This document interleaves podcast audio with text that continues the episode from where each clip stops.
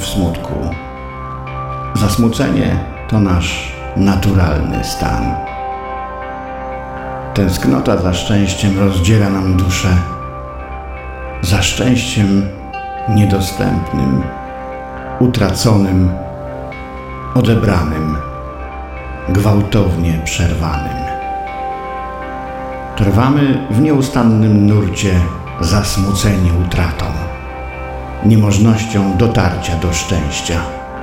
Mamy żal do siebie, do innych, bo utrudniają nam dotarcie do szczęścia, uniemożliwiają nam jego osiągnięcie. Żal do tych, co krzywdzą nas, oszukując nieprawdziwą wizją spełnienia.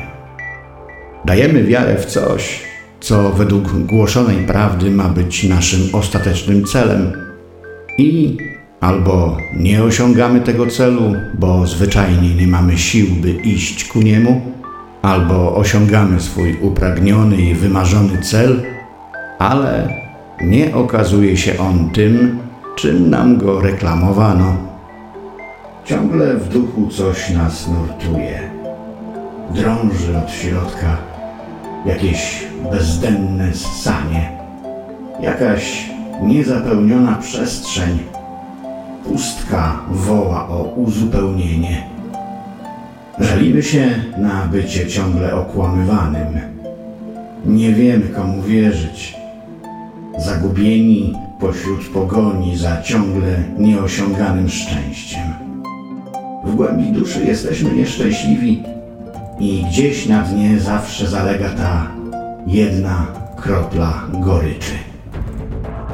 Żyjemy w żalu do innych, bo nas skrzywdzili, bo nam nie ufają, niesłusznie oskarżają, nie akceptują, krytykują, oszukują, okradają, wykorzystują, nie dają nic z siebie, nie doceniają, ignorują, nie traktują poważnie, ośmieszają, czynią samotnymi, pozostawiają w potrzebie, obmawiają za plecami, nie szanują, nie dostrzegają, że nas krzywdzą. Kiedy próbujemy się rozejrzeć, by znaleźć właściwą drogę do bycia tu i teraz, na swoim miejscu, w swoim czasie, w odpowiedniej dla nas przestrzeni, gubimy się. I nie ma nikogo, kto by sprostał naszemu zaufaniu, sprostał naszym oczekiwaniom. Szukamy autorytetu, drogowskazu, ale to, co znajdujemy, to drogi do próżnych spełnień albo łaknień niedostępnego. Żyjemy w strachu, że nas wszystko przerasta, że jesteśmy za mali, zbyt niedojrzali, zbyt naiwni albo zbyt nieufni, za głupi, nie dość konsekwentni albo dziecinnie entuzjastyczni, że nam się coś nie uda. Nie umiemy poczuć się jak u siebie.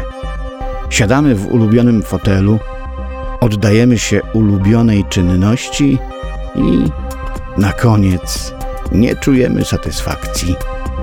Albo jej aktualne odczucie niesie w sobie ten malutki zalążek niespełnienia, następnego głodu, potrzeby następnego zaspokojenia. A gdyby tak zatrzymać się na chwilę, wyobrazić sobie, że nie ma przeszłości i nie ma przyszłości. Żadna krzywda nie ciągnie się za nami, żadna obawa nie straszy niepewną przyszłością, kiedy żadna potrzeba nie wydaje się palącą nagłością.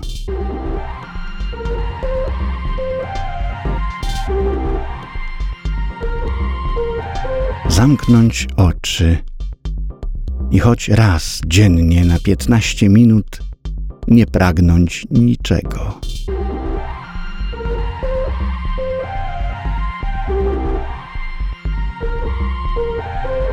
nie bać się niczego, nie czuć żalu o nic, nie myśleć o nikim, nie rozpamiętywać przeszłości, nie wybiegać w przyszłość.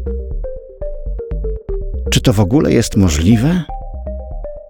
Czy jest możliwe, abyśmy wyrwali się z tego obłędu, choć na chwilę?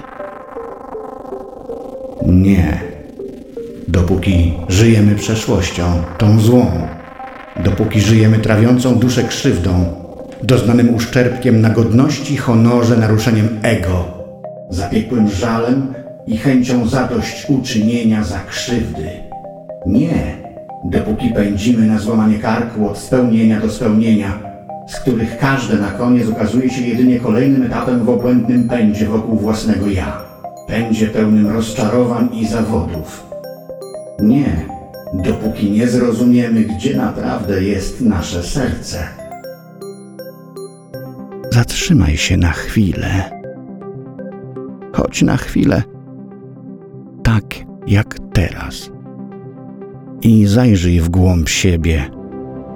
I w tej głębi zadaj sobie pytanie: kim jestem?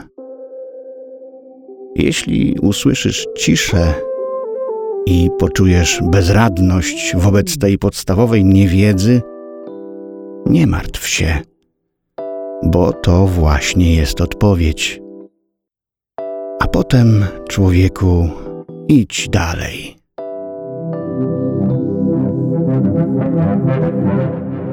Skromny, zatrzymany, niepamiętający, głupiutki, naiwny, ostatni, nieznany.